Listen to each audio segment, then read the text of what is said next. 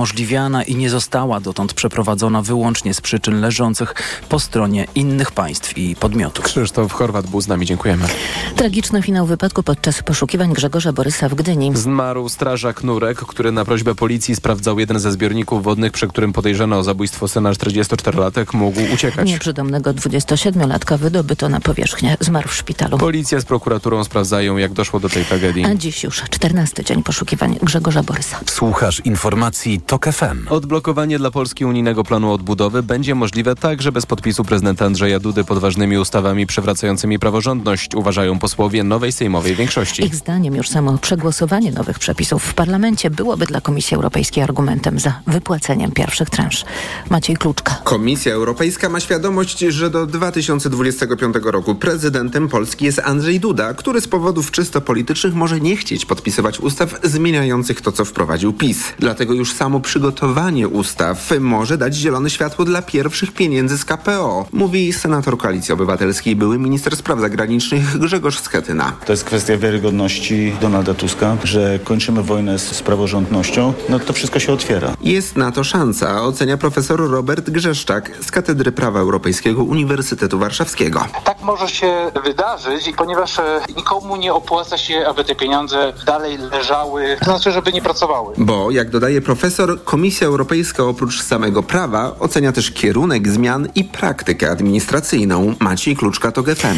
Nowe przepisy weszły w życie i osoby starsze, samotne czy niepełnosprawne mogą już korzystać z tzw. Tak pomocy sąsiedzkiej. A ci, którzy będą pomagać im w zakupach, transporcie czy sprzątaniu, będą mogli liczyć na wynagrodzenie od państwa. Takie osoby muszą być pełnoletnie i nie mogą być spokrewnione z osobą, której pomagają. Muszą mieć też ukończony kurs pierwszej pomocy. Ministerstwo Rodziny i Polityki Społecznej na ten cel przeznaczyło 30 milionów złotych. Pieniądze mają wypłacać samorządy i same decydować o wysokości wynagrodzenia. Kolejne informacje w TOK FM o 7.20. Za chwilę poranek Radia TOK FM i Karolina Lewicka. Teraz jeszcze prognoza pogody.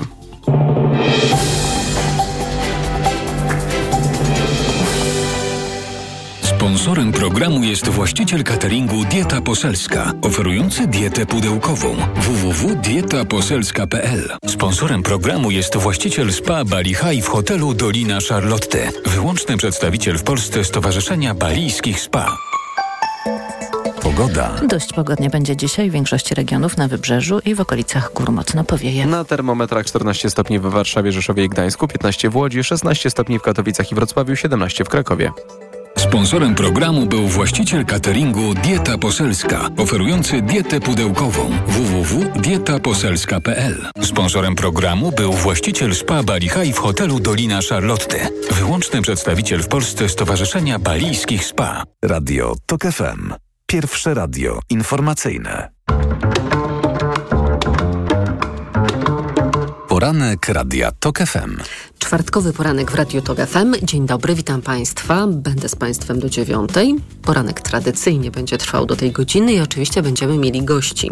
Po 7.20 były prezydent Tychów, przyszły senator Andrzej Dziuba. Po 7.40 sekretarz generalny Platformy Obywatelskiej Marcin Kierwiński. Zaś po 8.00 godzina komentatorów. Dziś wyjątkowo więcej czasu dla ekspertów. Dr Barbara Brucińska-Mirowska, redaktor Marcin Celiński i profesor Cezary Obracht-Prądzyński będą z nami. A teraz czas już na przegląd prasy. Na początek kącik kuriozalny.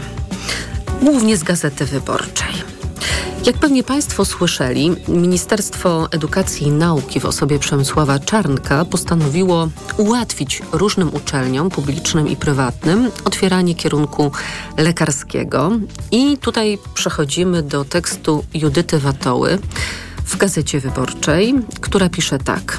W większości opinie Państwowej Komisji Akredytacyjnej o studiach lekarskich otwieranych w tym roku przez publiczne i prywatne uczelnie są bardzo krytyczne. Komisja zarzuca w nich brak kadry, infrastruktury, podręczników i prosektoriów. A teraz od ogółu do szczegółu. Na przykład Akademia WSB w Dąbrowie Górniczej.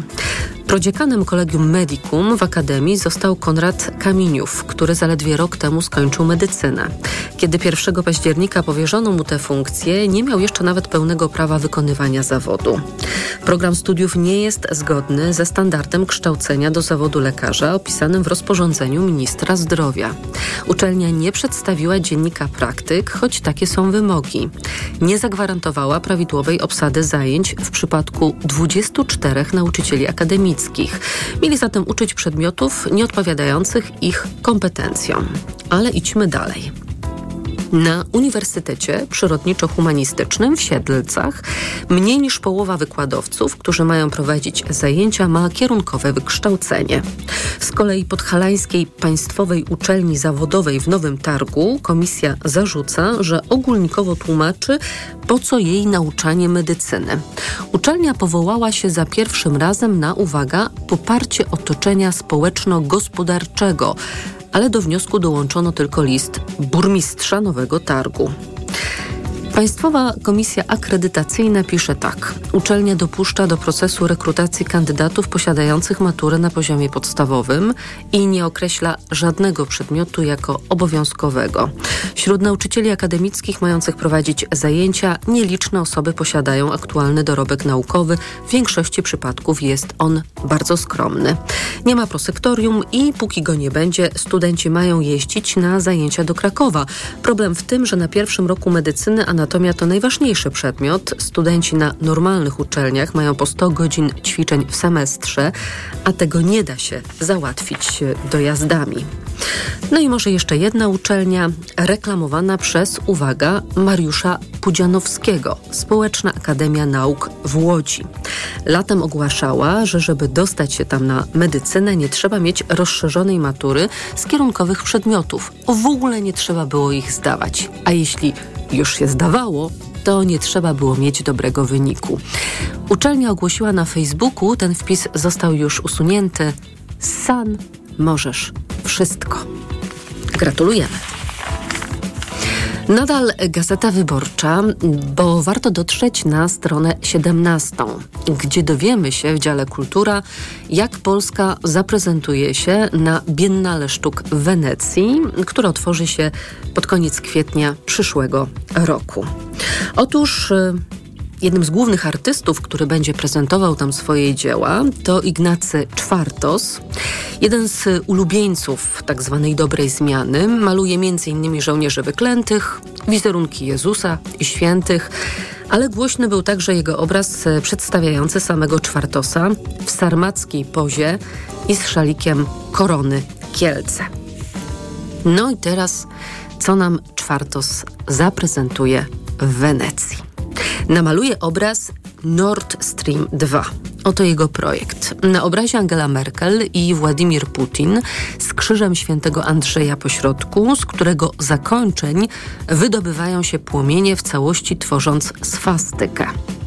Kolejne dwa obrazy mają nawiązywać do pracy Andrzeja Wróblewskiego, do której Czwartos, przepraszam, odwoływał się już wcześniej, malując wyklętych. Tu jednak zakres odwołań ma być poszerzony o Auschwitz i Smoleńsk. Na pierwszym będą namalowane porąbane ręce przedramiona w ubraniach oświęcimskich. Drugim, na drugim obrazie to samo, ale ubrania współczesne, rękawy marynarek i mankiety koszul. Między rękoma będą namalowane niedopałki papierosów i to jest nawiązanie do smoleńskich sekcji zwłok. Tak czytamy w projekcie. Poza tym będą dwie figury dewocyjne: figura świętego Jezusa albo świętego Józefa oraz figura Maryi z tego samego materiału. Uwaga! Ławki dla zwiedzających pawilon mają być w kształcie trumien. I jeszcze jedna niezwykle interesująca rzecz. Co tam ciekawego w Janowie Podlaskim po ośmiu latach dobrej zmiany? Ano, siódmy prezes. Pierwszy działacz Solidarnej Polski przyznał się, że na koniach arabskich się nie zna. Wytrwał kilka miesięcy. Drugi zbyt głośno wyrażał swoje zdanie. Za trzeciego sytuacja tylko się pogarszała. Znaleziono więc czwartego, ale miał zbyt ambitne pomysły. Popracował tylko parę miesięcy. Poza tym na jego miejsce szykował się już piąty, który miał atut polityczny legitymację PiS. Zrezygnował jednak, bo chciał pracować bliżej rodzinnego domu. Powołano więc szóstą, ale jej nie chcieli pracownicy. Mówili, że jest konfliktowa, mściwa, nie słucha i nie szanuje ludzi. No i wybawieniem dla stadniny miał być e, siódmy prezes, e, powołany po proteście pracowników Janowa Podlaskiego, stadniny w Janowie Podlaskim. Ale po siedmiu miesiącach pracy Marcina Oszczapińskiego, bo tak nazywa się ów siódmy prezes, w Janowie po radości nie ma już śladu. Nie ma też e, śladu po wielu pracownikach, albo odchodzą jeden po drugim, albo też są zwalniani. A właściwie nawet nie trzeba ich zwalniać, jak czytamy w reportażu na 18 mm, stronie Gazety Wyborczej, reportażu Piotra Kozłowskiego. Z tymi, którzy mieli inne zdanie, prezes siódmy zaczął się żegnać, nawet nie musiał zwalniać, po prostu nie przedłużał umów czasowych albo zleceń, powoli redukował załogę i teraz ludzi jest po prostu za mało. Koniec y, kącika kuriozalnego. Dalszy przegląd prasy. Dziennik Gazeta Prawna mm, zapytała. Polaków i Polki o to, które propozycje programowe rząd opozycji powinien wdrożyć w pierwszej kolejności. I na pierwszym miejscu mamy odblokowanie środków z KPO, potem uporządkowanie wymiaru sprawiedliwości, na podium także legalna aborcja do 12 tygodnia ciąży, na czwartym miejscu podwyższenie kwoty wolnej od podatku z 30 do 60 tysięcy, piąte miejsce babciowe, szóste powrót do ryczałtowanego, ryczałtowego rozliczania składki zdrowotnej dla przedsiębiorców. I miejsce siódme kredyt 0%. Ale pieniądze z KPO bezwzględnie na miejscu pierwszym. Natomiast poniżej, także na trzeciej stronie dziennika Gazety Prawnej, gorzkie lekcje po referendum. Plebiscyt, który miał ułatwić PiS zwycięstwo w wyborach, przyniósł efekty odwrotne od zakładanych. Liczba osób, które go zbojkotowały, jest większa niż wyborcy PiS i Konfederacji razem wzięci, policzył socjolog polityki profesor Jarosław Flis. I jak mówi profesor, jest to wyraźny sygnał, że wyborcy opozycji, choć nie wszyscy, potraktowali referendum jako nadużycie, w którym nie chcą brać udziału. Szczegółowo Szczegółowe dane pokazują, że także część wyborców PiSu i Konfederacji zignorowała plebiscyt. Dane z referendum pokazują także, że nie spełniły się obawy, że w mniejszych miejscowościach, gdzie dużo głosów pada na PiS, wyborcy opozycji będą bali się odmawiać wzięcia karty referendalnej. Nawet w mniejszych gminach 3 czwarte wyborców opozycji odmówiło udziału w referendum, podkreśla Flis. Taktyka PiS mogła się nawet obrócić przeciwko autorom, bo z kolei w dużych ośrodkach ludzie ostentacyjnie wręcz odmawiali przyjęcia karty referendalnej. Rzeczpospolita i ciekawy wywiad z doktorem Jackiem Kucharczykiem, socjologiem, prezesem Instytutu Spraw Publicznych, który jest pytany o to, czy obecny spór polityczny i wynik wyborczy spowodują jeszcze większy podział w społeczeństwie. Doktor Kucharczyk odpowiada, że stres pozostanie z nami na długo. Głębokiego podziału politycznego, który istnieje w Polsce, tak łatwo zakopać się nie da, tym bardziej, że ma on charakter pokoleniowy. Te podziały będą istnieć istniały też przy stołach rodzinnych, choć istnieje pewnego rodzaju tabu, żeby podczas świąt nie wspominać o polityce, bo wiadomo, jak to się skończy.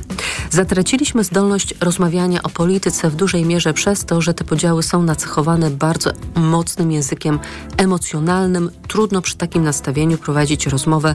Politycy powinni dać przykład zmiany języka, chociaż będzie to niełatwe, bo nie sądzę, żeby ktokolwiek wpis był tym zainteresowany.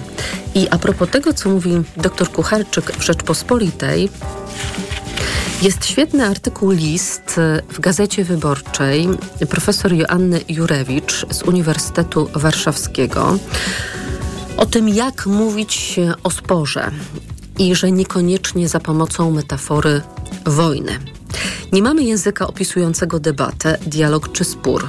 Jesteśmy w okowach jednej pojęciowej metafory, która sprawia, że myślimy o wszelkich różnicach w kategoriach wojny, pisze profesor Jurewicz.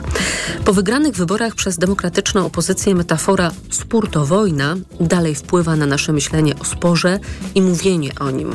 Różnica zdań między członkami partii tworzących koalicję demokratyczną odczytywana jest w tych kategoriach. Wystarczy spojrzeć na tytuły artykułów, w których pada słowo kłótnia, aktywujące metaforę nieco lżejszego kalibru niż spór to wojna, spór to kłótnia. Jak pokazują badania prowadzone przez lingwistów kognitywnych, metafory pojęciowe uwarunkowane są zjawiskami historycznymi i kulturowymi. Metafora spór to wojna jest bardzo dobrym tego przykładem, ponieważ w dawnych czasach, cokolwiek to znaczy, spory rozwiązywano siłą od honorowych pojedynków po wojnę rozumianą jako kontynuację polityki innymi środkami. Ponieważ historia Polski pełna jest wojen, tych gorących i tych zimnych, gdy społeczeństwo nie zgadzało się na dany stan rzeczy, zabory, powstania, okupacja, PRL. Wszyscy mamy skłonność do myślenia o różnicy zdań między ludźmi w kategoriach wojny czy kłótni, czyli aktywności, w której dwie strony walczą ze sobą i jedna z nich, silniejsza, wygrywa, a druga, słabsza, przegrywa. Kłótnia, a tym bardziej wojna, jest poza tym bardziej malownicza, bardziej emocjonalnie porywająca co w zamian. Ano pani profesor cytuje jedną z wypowiedzi Szymona Hołowni, który na sejmowym korytarzu mówił dziennikarzom tak, że siada się do stołu z określonymi oczekiwaniami, a później uciera się różne kompromisy. A, czy to nie jest ta właśnie właściwa droga? Spór to ucieranie czegoś, bo na ogół uciera się jakieś produkty po to, by otrzymać w miarę jednolitą całość, na przykład różne żółtka i cukier, by stworzyć kogel mogel, albo różne zioła, żeby otrzymać nową przyprawę. Gdy one powstaną, nie da się oddzielić żółtka od cukru czy utartych w moździerzu ziół. A zatem w myśleniu o sporze w kategoriach ucierania pobrzmiewa nadzieja, że po zakończeniu sporu ludzie będą tworzyć taką grupę, w której sporów nie będzie, że jak już przyszli koalicjanci się dogadają, nigdy więcej w spór nie wejdą, będą nową jakością jako koalicja, ale jednością, taką jak Kogel-Mogel. Inna metafora to na przykład myślenie o sporze w kategoriach tańca w parze. Ale ponieważ czas na przegląd prasy już dawno temu się skończył, to resztę muszą Państwo doczytać sami. Informacje. Poranek Radia TOK FM. Od światowych rynków po Twój portfel. Raport gospodarczy. Mówimy o pieniądzach. Twoich pieniądzach. Słuchaj od wtorku do piątku po 14.40.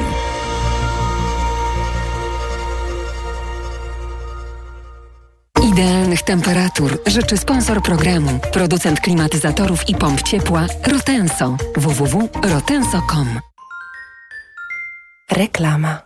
RTV Euro AGD. Black Friday Weeks. Tysiące okazji i pół roku nie płacisz. Do 40 lat 0% na cały asortyment. RRSO 0%. Pralka Beko Steam Cure. Slim. Najniższa teraz ostatnich 30 dni przed obniżką to 1796. Teraz za 1699 zł. A w 40 latach tylko 43 zł miesięcznie. Promocja ratalna do 14 listopada. Szczegóły i regulamin w sklepach i na euro.com.pl Badania profilaktyczne to skuteczna broń w walce z nowotworami. Morfologia, kolonoskopia, badanie znamion, wizyta u urologa. Jeśli nie pamiętasz, kiedy ostatnio robiłeś przegląd zdrowia, nie czekaj, umów się na badania. Bądź szybszy od raka. Badaj się, by żyć. Więcej na planujedługieżycie.pl. Kampania Ministerstwa Zdrowia. Kierowco, bądź przygotowany na wszystko, co może spotkać Cię w drodze i na parkingu. Poznaj wideorejestratory Garmin Dashcam, które wyróżnia solidna konstrukcja, świetna jakość nagrań i automatyczne wykrywanie zdarzeń. Twoje auto jest bezpieczne, nawet jeśli nie jesteś w pobliżu, dzięki funkcji ochrony parkingowej umożliwiającej podgląd na żywo. Wideorejestratory Garmin Dashcam dostępne w Media Expert już od 450 zł.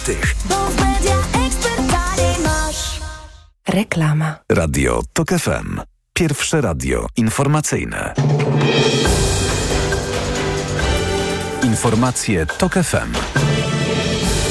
7.22 Filip Kakusz, zapraszam. Ministerstwo Spraw Zagranicznych próbuje umożliwić Polakom ewakuację z gazy. Podejmujemy wszelkie możliwe działania, by polscy obywatele w strefie byli bezpieczni i mogli opuścić obszar wojenny, oświadczył szef resortu Zbigniew Rau. W enklawie może przebywać do 30 osób z polskim obywatelstwem.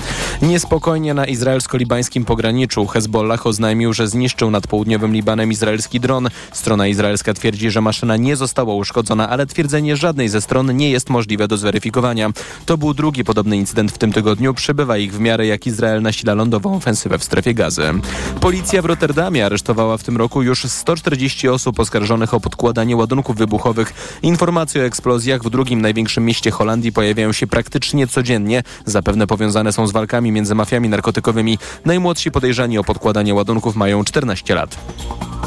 Przewodnicząca Komisji Europejskiej ostrzegła władze Bośni i Hercegowiny, że jeśli nie wdrożą niezbędnych reform, unijne środki zostaną przekierowane do innych państw regionu. Ursula von der Leyen była wczoraj w Sarajewie i ponownie wezwała do wdrażania wytycznych w sprawie praworządności i zapewniła, że przyszłość Bośni jako zjednoczonego i suwerennego państwa jest we wspólnocie.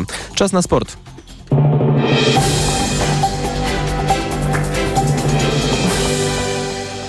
Sponsorem programu jest właściciel marki Barum, producent opony zimowej Polaris 5 z 7-letnią gwarancją. Barum, marka koncernu Continental.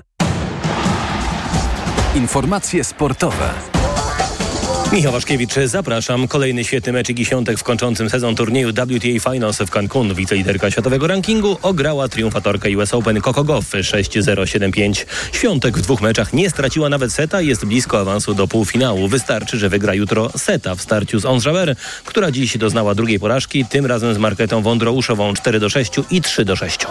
Hubert Hurkacz cały czas walczy o to, by zagrać w ATP Finals w Turynie. Polak w silnie obsadzonym turnieju w Paryżu jest już w trzeciej rundzie, po tym jak w niecałą godzinę ograł Hiszpana Roberto Bautista Aguta 6-3-6-2. Dziś o ćwierćfinał rozstawiony z jedenastką Hurkacz zagra z Argentyńczykiem Francisco Serundolo. Dziś kolejne mecze w drugiej rundzie piłkarskiego Pucharu Polski, w tym te dwa starcia, w których zagrają ze sobą zespoły z Ekstraklasy. Już o 15 Krakowia zmierzy się z Zagłębiem Lubin, a o 18 ŁKS Łódź z Rakowem Częstochowa.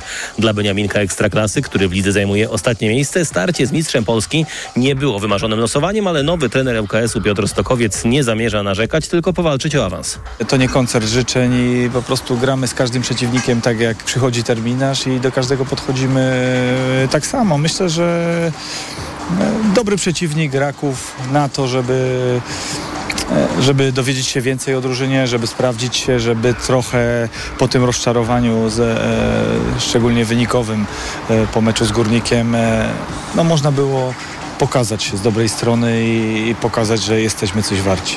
Dziś także mecz w Tychach. GKS podejmie Legię Warszawa. We wtorek do trzeciej rundy pewnie awansował Lech Poznań, a także Korona Kielce, Górnik Zabrze czy Piast Gliwice. Niespodzianką była porażka Puszczy Niepołomice z pierwszoligową Stalą Rzeszów 0 do 1. Sensacja w Pucharze Niemiec. Bayern Monachium odpadł już w jednej 16 finału, przegrywając z trzecioligowym Saarbrücken 1 do 2. Gospodarze oddali w całym meczu tylko dwa celne strzały, w tym ten decydujący w szóstej minucie doliczonego czasu gry. Za chwilę w TOK FM prognoza pogody.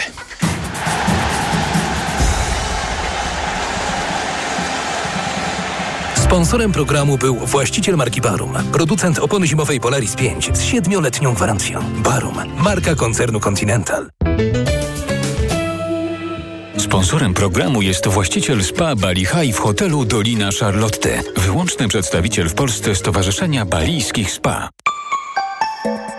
Pogoda. Dużo słońca nad Polską, jedynie na zachodzie w ciągu dnia będzie przebywać chmur, na wybrzeżu i na Suwalszczyźnie najchłodniej od 10 do 13 stopni, około 15 w środkowej części kraju, do miejscami 17 stopni na południu. Piątek zapowiada się pochmurny i mokry, w sobotę znowu pogodnie, ale będzie nieco chłodniej. Sponsorem programu był właściciel spa Bali High w hotelu Dolina Charlotte. Wyłączny przedstawiciel w Polsce Stowarzyszenia Balijskich Spa. Radio TOK FM. Pierwsze radio informacyjne.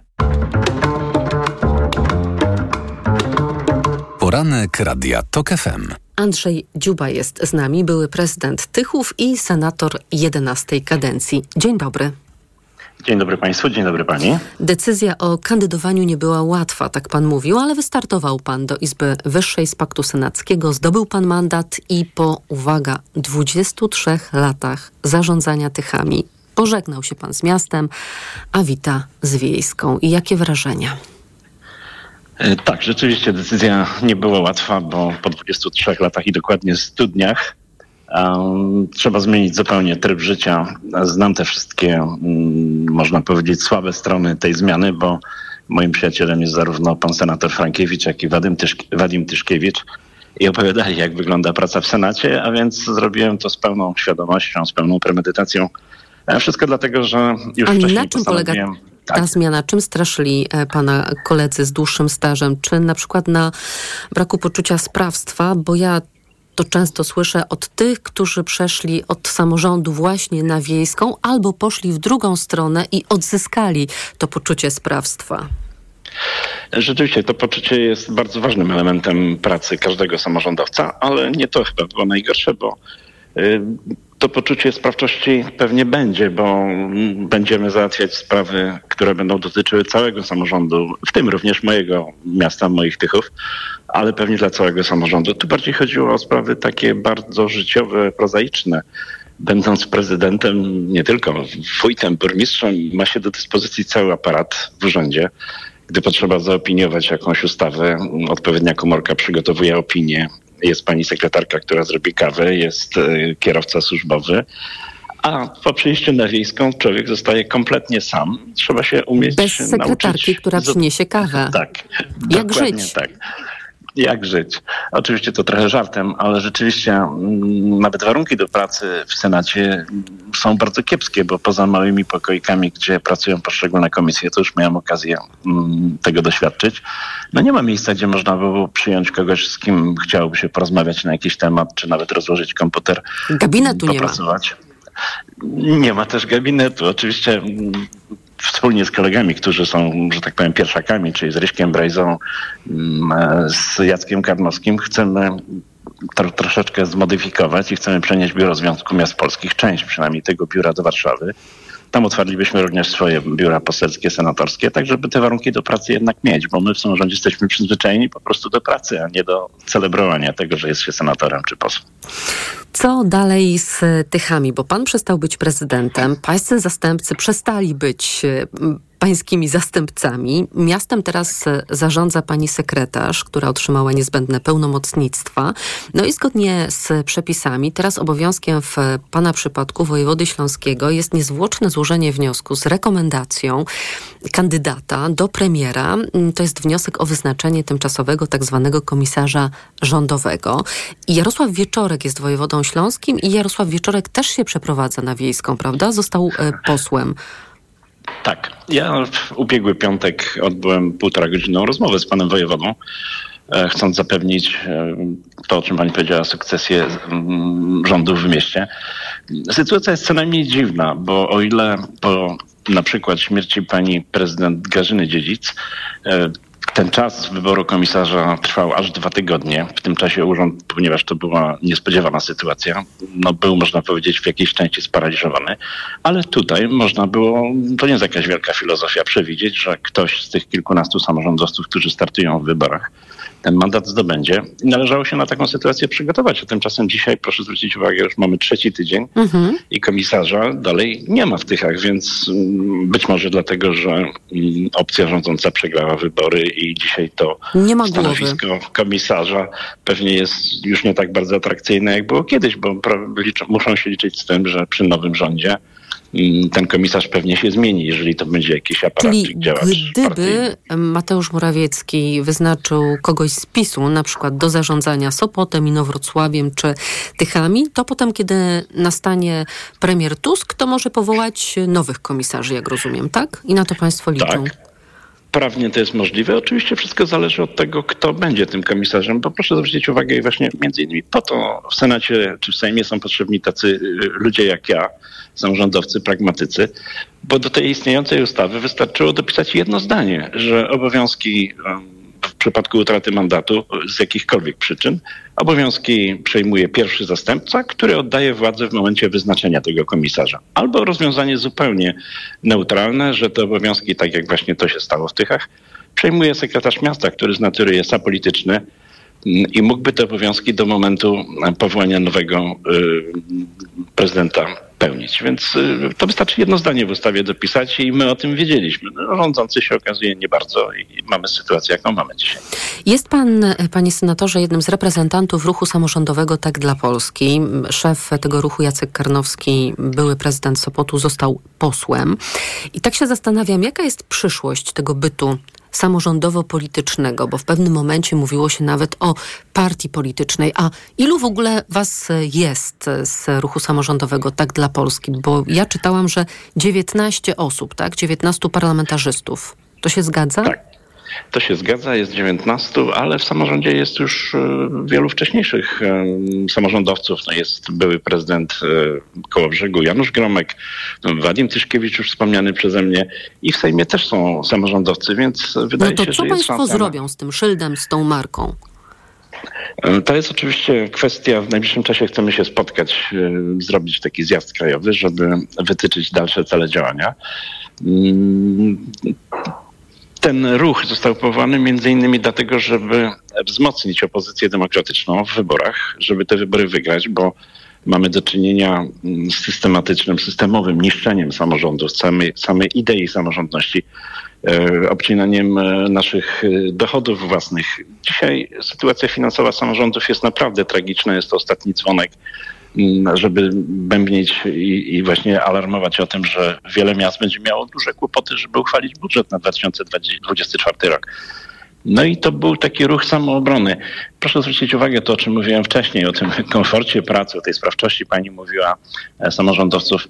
E, bardzo ciężko jest nas wygonić właśnie z naszych miast, miasteczek, e, wsi, żeby zrobić coś więcej. Taka sytuacja miała miejsce, kiedy pan prezes Kaczyński zagroził, że będą tylko dwie kadencje i to liczone wstecz. I wtedy nagle w gromadzie pojawiło się 1700 osób, które potrafiły się zmobilizować. I teraz, skoro powołaliśmy ten ruch, to znaczy, że jest rzeczywiście duże zagrożenie dla samorządności, że wyszliśmy z tych swoich właśnie, przepraszam, gajdołów, nie chcę nikogo urazić, i postanowiliśmy zrobić coś więcej dla całej samorządności, bo naprawdę ona jest bardzo poważnie zagrożona. A czy teraz mogą Państwo się skupić na przykład na jakimś kolejnym etapie zmiany ustrojowej? Myślę o bardziej pogłębionej decentralizacji. Czy Państwo o tym myślą? Zdecydowanie tak. Ja podam może bardzo konkretny przykład, który jest mi bardzo bliski. Mieliśmy to szczęście jako jedyni w Polsce, że ustawowo powołano Górnośląsko-Zagłębiowską metropolię. I ta metropolia zaczęła bardzo fajnie działać z wysokiego C. Uporządkowaliśmy komunikację publiczną, kilka innych spraw drobnych zostało załatwionych i w momencie, kiedy chcieliśmy zorganizować e, gospodarkę odpadami wspólnie, bo nawet największych Katowic czy Gliwic nie stać samodzielnie, żeby tą gospodarkę realizować, budować e, zakład termicznej utylizacji odpadów, chciała to zrobić metropolia. I okazało się, że ta ustawa jest tak niedoskonała, że nie możemy tego robić. Przegraliśmy rozprawę w, w Wojewódzkim Sądzie Administracyjnym w Gliwicach, a więc trzeba tą ustawę naprawić. I do tej pory takie próby były podejmowane właśnie z inicjatywy Senatu, ale oczywiście w tej walce politycznej, przy COVID-zie, przy tym wszystkim, ta ustawa, nowelizacja tej ustawy nie została przez Sejm zaakceptowana. A więc jest pilna potrzeba, żeby tego typu ustawy wprowadzić jak najszybciej, tą naszą y, zmodyfikować, a z kolei już czekają w zamrażarce sejmowej są gotowe ustawy dotyczące powołania metropolii e, trójmiejskiej, łódzkiej. Wiem, że Dolny Śląsk od Jacka Sutryka, że się szykuje, więc to są elementy ustrojowe, które będą oddziaływały na całą mm, społeczność samorządową.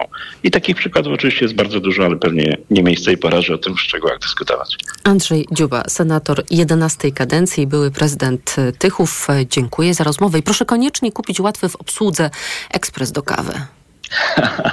Oczywiście. Dziękuję Pani, dziękuję Państwu. Państwa zapraszam na informacje. Poranek Radia TOK FM. Autopromocja. Boski podcast o śmierci. Tylko w TOK FM Premium. Zaprasza Karolina Oponowicz. Czy trzeba się bać śmierci? Co czeka osobę niewierzącą w piekle? Na czym polega czyszczenie duszy w czyśćcu? Co powinno kłaść się na grobach? Skąd wiadomo, że po śmierci będzie się kotem, drzewem albo upiorem? O to wszystko pytam wyznawców różnych religii. Boski podcast o śmierci. Tylko w Tok FM Premium. Wszystkie odcinki tego podcastu znajdziesz na tokefm.pl oraz w aplikacji mobilnej Tok FM. Autopromocja. Reklama. RTV Euro AGD. Black Friday Weeks. Tysiące okazji przez cały listopad. Zmywarka do zabudowy Bosch. Sterowanie smartfonem. Szuflada na sztuczce. Najniższa teraz ostatnich 30 dni przed obniżką to 2819. Teraz za 2749 zł. I pół roku nie płacisz. Do 40 lat 0%. Na cały asortyment. RRSO 0%. Promocja ratalna do 14 listopada. Szczegóły i regulamin w sklepach i na euro.com.pl Przewodnik TOK FM. Na zdrowie. Słuchaj od poniedziałku do piątku po 14.30. Do usłyszenia. Ewa Podolska. Sponsorem programu jest dystrybutor suplementu diety probiotyku Vivomix. Ała! Nagły ból w jamie ustnej podczas jedzenia?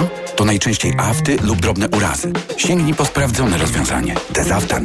Po pierwsze, Dezaftan wspomaga leczenie dolegliwości, szybko niwelując ból. Po drugie, zabezpiecz aftę przed podrażnieniami. To dzięki podwójnemu działaniu. Dezaftan jest tak skuteczny. Dezaftan. Podwójnie skuteczny na afty. To jest wyrób medyczny. Używaj go zgodnie z instrukcją używania lub etykietą. Afty, aftowe zapalenie jamy ustnej, pleśniawki, urazy spowodowane przez aparaty ortodontyczne i protezy. Aflofarm. Gotowi na mega okazję? Black Weeks w Media Expert. Na przykład energooszczędna i pojemna zmywarka Hisense w super cenie za 1199 zł. Dwumetrowa lodówka Whirlpool. Czarna. Najniższa cena z ostatnich 30 dni przed obniżką 2599 zł 99 groszy. Teraz za jedyne 2199 z kodem rabatowym taniej o 400 zł. Black Weeks w Media Expert. Paliłam od lat. Myślałam, że nigdy nie rzucę. W końcu kupiłam Desmoxan. Kuracja trwała tylko 25 dni, a piątego dnia już nie paliłam. Dzięki Desmoxanowi już mnie nie ciągnie do nikotyny. Nie czekaj, też kup Desmoxan i rzuć palenie. Cytyzyna 1,5 mg tabletki przeciwwskazania. Nadwrażliwość na którąkolwiek substancję. Niestabilna dławica piersiowa. Zaburzenia rytmu serca. Niedawno przybyty zapał serca lub udar mózgu. Ciąża. Karmienie piersią. Przed użyciem zapoznaj się z treścią ulotki dołączonej do opakowania bądź skonsultuj się z lekarzem lub farmaceutą, gdyż każdy lek niewłaściwie stosowany zagraża Twojemu życiu lub zdrowiu. Aflofarm. Jako dietetyk na wątrobę zawsze polecam Proliver, ponieważ zawiera składniki wspierające właściwą pracę wątroby. Często ze względu na dietę, wiek czy masę ciała zwracam uwagę na poziom cukru we krwi. Wtedy proponuję nowość Proliver Diabeto. Suplement diety Proliver Diabeto dba o wątrobę, a dodatkowo zawiera wysoką dawkę morwy białej, która przyczynia się do utrzymania prawidłowego poziomu cukru. Stosując Proliver Diabeto osiągamy obie te ważne korzyści. Proliver Diabeto, zdrowa wątroba i prawidłowy poziom cukru. Aflofarm. Wyciąg z liści garczocha wspiera utrzymanie zdrowej wątroby. Każda kultura ma swój sposób na relaks. W Skandynawii jest hygge, w Hiszpanii siesta, a w Anglii filiżanka herbaty z mlekiem. My w Toyocie mamy zupełnie nową metodę na święty spokój. Jest nią gwarancja relaks. Oznacza zwykle rok nowej gwarancji w poczuciu pełnego relaksu. Uzyskasz ją po przeglądzie Relax w serwisie Toyoty, a przy kolejnych przedłużysz jej ważność. Szczegóły w salonach Toyoty. Reklama. Radio TOK FM. Pierwsze radio informacyjne. Informacje TOK FM. 7.40 Filip Kakusz, zapraszam. Dwie osoby zginęły w wypadkach, do których doszło wczoraj na polskich drogach. 46 osób zostało rannych. Policjanci zatrzymali też ponad 260 nietrzeźwych kierujących. Również dziś na drogach wyjazdowych z miast i wokół cmentarzy będzie więcej policyjnych patroli. Prezydent Stanów Zjednoczonych Joe Biden wezwał do przerwania walk między Izraelem i Hamasem, co mogłoby pozwolić uwolnić zakładników przetrzymywanych przez palestyńskich terrorystów, czyli około 240 osób. Premier Benjamin Netanyahu o zawieszenie broni nie chce słyszeć. Izraelscy żołnierze są w strefie, twierdzą, że przełamali linię obrony Hamasu w mieście Gaza, jednak w trakcie walk zginęło co najmniej 15 z nich. To trudna wojna, będzie długa, mamy wiele ważnych osiągnięć, ale i bolesnych strat. Cały czas trwają izraelskie ostrzały enklawy. Hamas twierdzi, że bomby, które spadły na obóz dla uchodźców w mieście Jabalia zabiły wczoraj kilkadziesiąt osób. Organizacja Reporterzy Bez Granic wniosła z kolei do Międzynarodowego Trybunału Karnego w Hadze skargę na obie strony konfliktu Izraela z Hamasem i zarzuca obu stronom popełnienie zbrodni wojennych przeciwko dziennikarzom. Według obliczeń tej organizacji od 7 października zabitych zostało ponad 30 dziennikarzy, 12 z nich w trakcie wykonywania pracy. Premier Pedro Sanchez i jego partia socjalistyczna porozumiała się z republikańską lewicą Katalonii. Zgodnie z tym porozumieniem secesjoniści, którzy 6 lat temu zorganizowali nieuznawane przez Madryt referendum w sprawie katalońskiej niepodległości, zostaną objęci amnestią. Porozumienie jest kontrowersyjne dla części obywateli i partii politycznych w Hiszpanii. Sanchez zdecydował się jednak na taki krok, bo chce utworzyć rząd z poparciem partii separatystycznych. Pogoda. Pogodnie i dość ciepło dziś w Polsce. Od zachodu zacznie wzmagać się wiatr i tam też więcej chmur. 10 stopni na Suwalszczyźnie, 14 w centrum, 16 na południu. Radio TOK FM. Pierwsze radio informacyjne. Poranek Radia TOK FM. Marcin Kierwiński jest z nami, sekretarz generalny Platformy Obywatelskiej i poseł były i przyszły Koalicji Obywatelskiej. Dzień dobry, panie pośle. Dzień dobry, witam serdecznie. Nie będę pytać o giełdę nazwisk, bo i tak pan nic nie powie, ale mam kilka pytań takich strukturalno-logistycznych. Czy będzie mniej niż 17 ministerstw? Teraz jest 17. Rząd pisowski to był największy rząd, jeżeli chodzi o liczbę ministrów i wiceministrów. Mogę zadeklarować, że jeżeli chodzi o tą globalną mm, liczbę sekretarzy stanów, ministrów pełnych, konstytucyjnych i podsekretarzy stanu, będzie ich mniej. Czy będzie dodatkowe ministerstwo zapowiedziane przez Donalda Tuska w marcu w Katowicach, czyli resort przemysłu? Tak Czy będzie. on jest już uwzględniany w tym Tak zdaniu? będzie takie ministerstwo. Czy będzie rotacyjny marszałek Sejmu? Jest to jeden ze scenariuszy, bardzo prawdopodobny scenariusz. Dwa lata Szymon Hołownia, dwa lata Włodzimierz Eee, Czarzasty. Tak, jest to prawdopodobny scenariusz. Tu de ostateczne decyzje jeszcze nie zapadły. To jest scena, to jest rozwiązanie, które jest praktykowane na przykład w Parlamencie Europejskim. Świetnie e, Jak działa. rozumiem, Szymon Hołownia byłby zainteresowany, bo w 2025 chce już być prezydentem Ja Polski. myślę, że wszyscy jesteśmy zainteresowani, aby wszyscy liderzy partii opozycyjnych y, no, czuli się w tym nowym układzie rządzącym po prostu komfortowo, żeby mieli wpływ na rzeczywistość. Dotyczy to zarówno pana Szymona Hołowni, jak i pana Włodzimierza Czarzastego. Czy prawa kobiet będą wpisane do umowy koalicyjnej, czy do protokołu rozbieżności? Wy- zastopowanie tego piekła kobiet, które zgotował polskim kobietom PiS, będzie wpisane do umowy koalicyjnej. Natomiast oczywiście w, tej, w tych sprawach są rozbieżności pomiędzy nami i Polskim Stronnictwem Ludowym. Postaramy się to w dyskusji wypracować takie rozwiązania, które będą gwarantowały prawa kobiet. Pan interesuje się historią, podobnie jak ja. I pewnie pan pamięta, że kiedy Brytyjczycy pokonali Niemców pod e, El Alamein, to Churchill powiedział takie dwa zdania. To nie jest koniec, to nie jest nawet początek końca, ale to jest być może koniec początku. I pomyślałam sobie, tak, o tej opinii czy prognozie w kontekście odzyskiwania demokracji Polski dla Zachodu, że wynik tych wyborów to nie jest koniec tej drogi, tylko jej początek, a recydywa, czyli powrót siły populistycznej, antydemokratycznej jest jak najbardziej realny. Jak państwo chcą rządzić, żeby to nie miało miejsca? No, ja myślę, że przede wszystkim trzeba przywrócić właściwe znaczenia takim fundamentalnym słowom, jak sprawiedliwość, przepraszam bardzo, jak uczciwość, jak e, kwestia takiego elementarnej prawdy, która dostarcza się, którą dostarcza się polskiemu społeczeństwu. Więc zamierzamy rządzić transparentnie, otwarcie, z partycypacją społeczną, to znaczy konsultując nasze decyzje ze społeczeństwem. I tak ma pani rację, przy takim wyniku PiSu, bo nie ma co ukrywać, to jest bardzo wysoki wynik PiSu, e, powrót, powrót e, wydaje się dość realny, choć z drugiej strony Jestem przekonany, że gdy PiS zostanie odłączony od telewizji publicznej, od kłamstwa telewizji publicznej, gdy do społeczeństwa zaczną docierać prawdziwe informacje o przekrętach, o aferach, o złodziejstwie tej władzy, to poparcie PiSu spadnie bardzo, bardzo mocno. Ja zakładam, że nawet do około 10%. Zrobimy wszystko, żeby Zapamiętuję. prawda A kiedy? To 10%? Panie redaktor, to jest cały proces. To jest cały proces. Ja w ogóle uważam, Bo ja że uważam, PiS... że żelazny elektorat PiSu jest na poziomie no, co najmniej 25%. To pani co, tylko że żelazny elektorat PiSu, dzisiejszy żelazny elektorat PiSu o, nie ma żadnej możliwości dowiedzenia się prawdy o tym, co ta władza wyprawia. Bo przecież telewizja publiczna, dziś radiowęzeł z Nowogrodzkiej zajmuje się tylko i wyłącznie zakłamywaniem rzeczywistości. Jeżeli do tego elektoratu dotrze prawdziwa informacja, kim są ci ludzie, jakie przekręty robili, myślę, że ten elektorat także otworzy szeroko oczy. Więc... e, Pożyjemy, zobaczymy. a Nie jestem o, tym, ja jestem o tym, e, jestem o tym przekonany. Tak jak powiedziałem, pierwsze i najważniejsze zadanie dla tego nowego rządu to jest przywrócić właściwe znaczenie słowom sprawiedliwość, uczciwość, transparentność, otwartość. E, tak będziemy rządzić. Takie są cele. E, No i wprowadzimy jak rozumiem zupełnie... także y, realizację obietnic, y, Dziennik Gazeta Prawna zapytał Polaków, y, co jest najważniejsze na podium, odblokowanie środków z KPO, uporządkowanie wymiaru sprawiedliwości i legalna aborcja do 12 tygodnia ciąży. To jest to, co mówiliśmy podczas naszej kampanii wyborczej i to będziemy, i to, i to zrobimy. Jeżeli chodzi o KPO, Donald Tusk już teraz, można powiedzieć, rozpoczął ten proces. Był w Brukseli w zeszłym tygodniu, rozmawiał z liderami europejskimi, rozmawiał z przewodniczącą Komisji Europejskiej.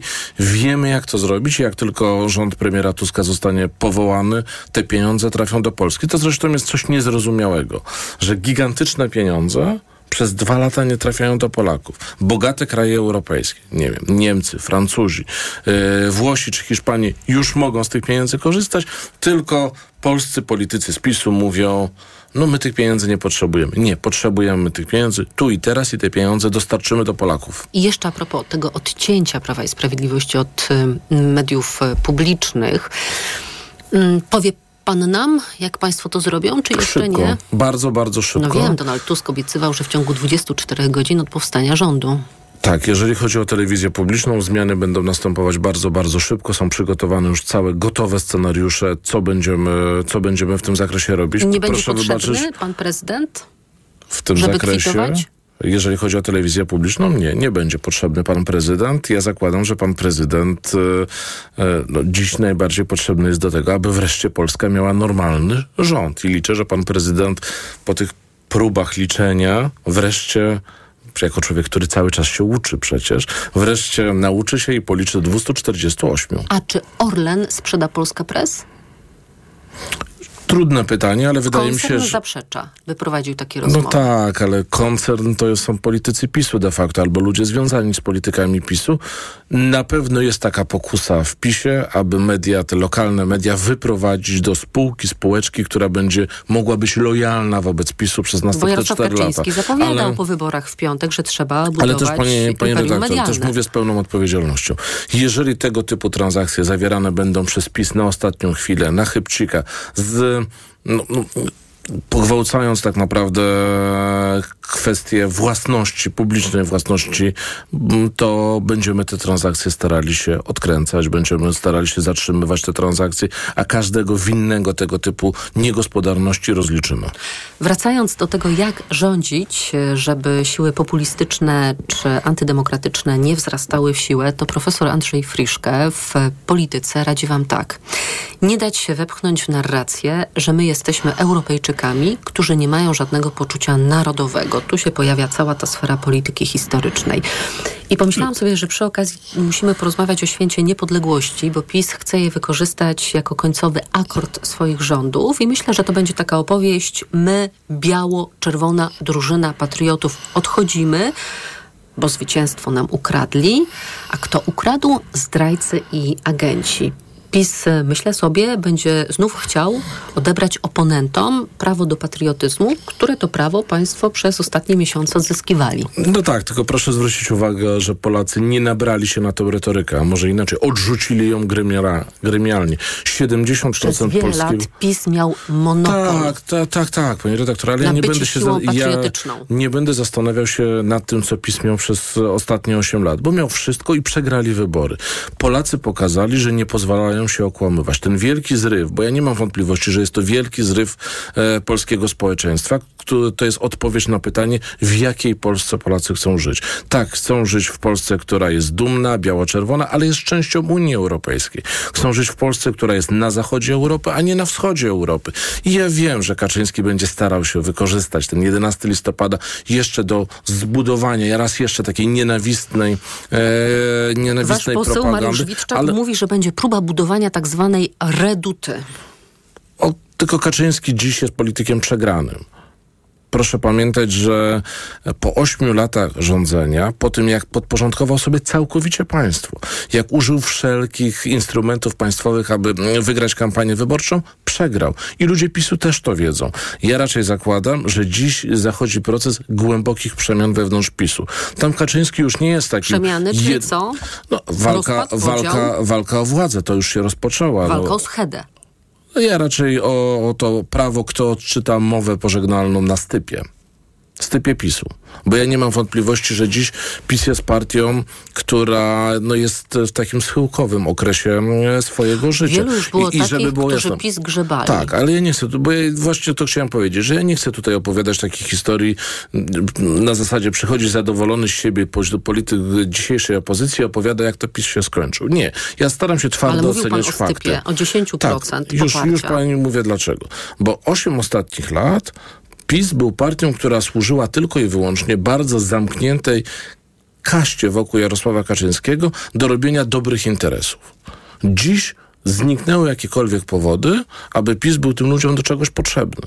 Dziś Kaczyński już nie jest tym nieomylnym wodzem, który wygrywał kolejne wybory. Dziś jest politykiem przegranym. Politykiem, który kolejny raz przegrał z Donaldem Tuskiem. Więc te wszystkie mity założycielskie PiSu, które funkcjonowały w ciągu ostatnich lat, po prostu upadły. Więc dziś zakładam... No upadł Smoleńsk. Może być nowy mit, nie, ale pro, zwycięstwo. Dziś zakładam, że właśnie rozpoczyna się myślenie w PiSie, kto może być osobą, która jeszcze te PiS czy resztki PiSu jest w stanie uratować. Proszę zwrócić uwagę na słowa nowego ministra w kancelarii prezydenta, który mówi, że Kaczyński musi, musi odejść, że już że de facto do niczego nie potrzebny. emeryturę. Czy myśli pani, że tego typu słowa mogłyby być wypowiedziane bez zgody pana prezydenta Dudy? No przecież to jest naturalne, że jeżeli byłyby bez zgody pana prezydenta Dudy, no to pan to Marcin Mastalerek byłby przywołany do porządku, tak? I, albo nie byłby powołany. To znaczy, że pan prezydent też pokazuje, to ja dziś jestem filarem tego przyszłego obozu postpisowskiego. Więc zakładam, że naprawdę w obozie PiSu zajdą bardzo głębokie zmiany. Czym teraz żyją ludzie w sieci? Takie pytanie zadałam Michałowi Fedorowiczowi z Instytutu Badań Internetu i Mediów Społecznościowych we wtorek i odpowiedział mi, E, jednym słowem, rozliczenia. Okazuje się, że jest to dominująca narracja i dominująca emocja, i myślę sobie, jak uczynić jej zadość, by jednocześnie nie stracić szansy na pojednanie, o jakim mówił Donald Tusk. To znaczy, by wśród wyborców PiSu nie wytworzyć takiego przekonania, że dokonuje się jakaś zemsta na ich wybrańcach, a jednocześnie, żeby przykładnie ukarać tych, którzy dokonali zamachu na ustrój albo po prostu zwyczajnie w no, świecie kradli. Właśnie pani redaktor powiedziała to, co jest najważniejsze w tej kwestii. To znaczy rozliczeniom będą podlegać ci, którzy łamali polskie prawo. Jeżeli łamali polskie prawo, jeżeli zmieniali siłą ustrój państwa, jeżeli nie przestrzegali konstytucji, jeżeli kradli, y, to te osoby zostaną rozliczeni, rozliczone. Natomiast e, przecież nikt nie zamierza mm, w jakikolwiek sposób e, odnosić tego do wyborców PiSu. Wyborcy PiSu korzystali ze swoich demokratycznych praw, mają prawo głosować na partię, na którą chcą, mają prawo lubić Kaczyńskiego. To jest ich normalny, demokratyczny wybór. E, natomiast, więc rozdzielmy polityków PiSu, funkcjonariuszy PiSu, którzy dopuszczali się strasznych rzeczy i e, ludzi, którzy na PiS głosowali. Wobec ludzi, którzy głosowali na PiS, zawsze będzie szeroko wyciągnięta ręka, otwarta ręka, mówiąca, może się różnimy, może mamy inne pomysły na Polskę, ale wszyscy jesteśmy tą biało-czerwoną drużyną, cytując to poprzednie pytanie pani redaktor. E, z tymi ludźmi będziemy szukali pojednania. Donald Tusk w poniedziałek będzie we Wrocławiu na osiedlu Jagodno, gdzie ludzie głosowali do trzeciej nad ranem, stali w kolejce, zmarznięci, bo w nocy było już zimno. O, to jest właśnie ten, to jest ten, Co właśnie Tusk ten będzie wielki... chciał im powiedzieć? Ja właśnie mówiłem o tym wielkim akcie takiego przebudzenia naro narodowego i tej chęci wyboru, w jakiej Polsce Polacy chcą żyć. I to właśnie to, to głosowanie do trzeciej nad ranem jest tego e, przykładem. To takie to spotkanie pana premiera Donalda Tuska to jest spotkanie mówiące o dwóch rzeczach. Pierwsza sprawa, nic się jeszcze nie skończyło. Cały czas jesteśmy w procesie zmiany. Cały czas e, czekają nas kolejne kampanie wyborcze. Będzie kampania e, europejska, będzie kampania e, samorządowa. Nie zwalniamy, będziemy cały czas blisko. E, nie wychodzimy z tego, mm, z, tego, z takiego rygoru nieustającej rozmowy ze społeczeństwem. O tym będzie to spotkanie. Czy E, takich spotkań będzie więcej? Bo ja sobie myślę o tym, jaki będzie model komunikacji przyjęty przez państwa. Jak zamierzają się państwo komunikować z obywatelami w sytuacji, kiedy państwo będą zmuszeni dokonywać bardzo wielu reform, działań naprawczych, zmian systemowych, uzdrowień. To bardzo trudne czasy przed państwem.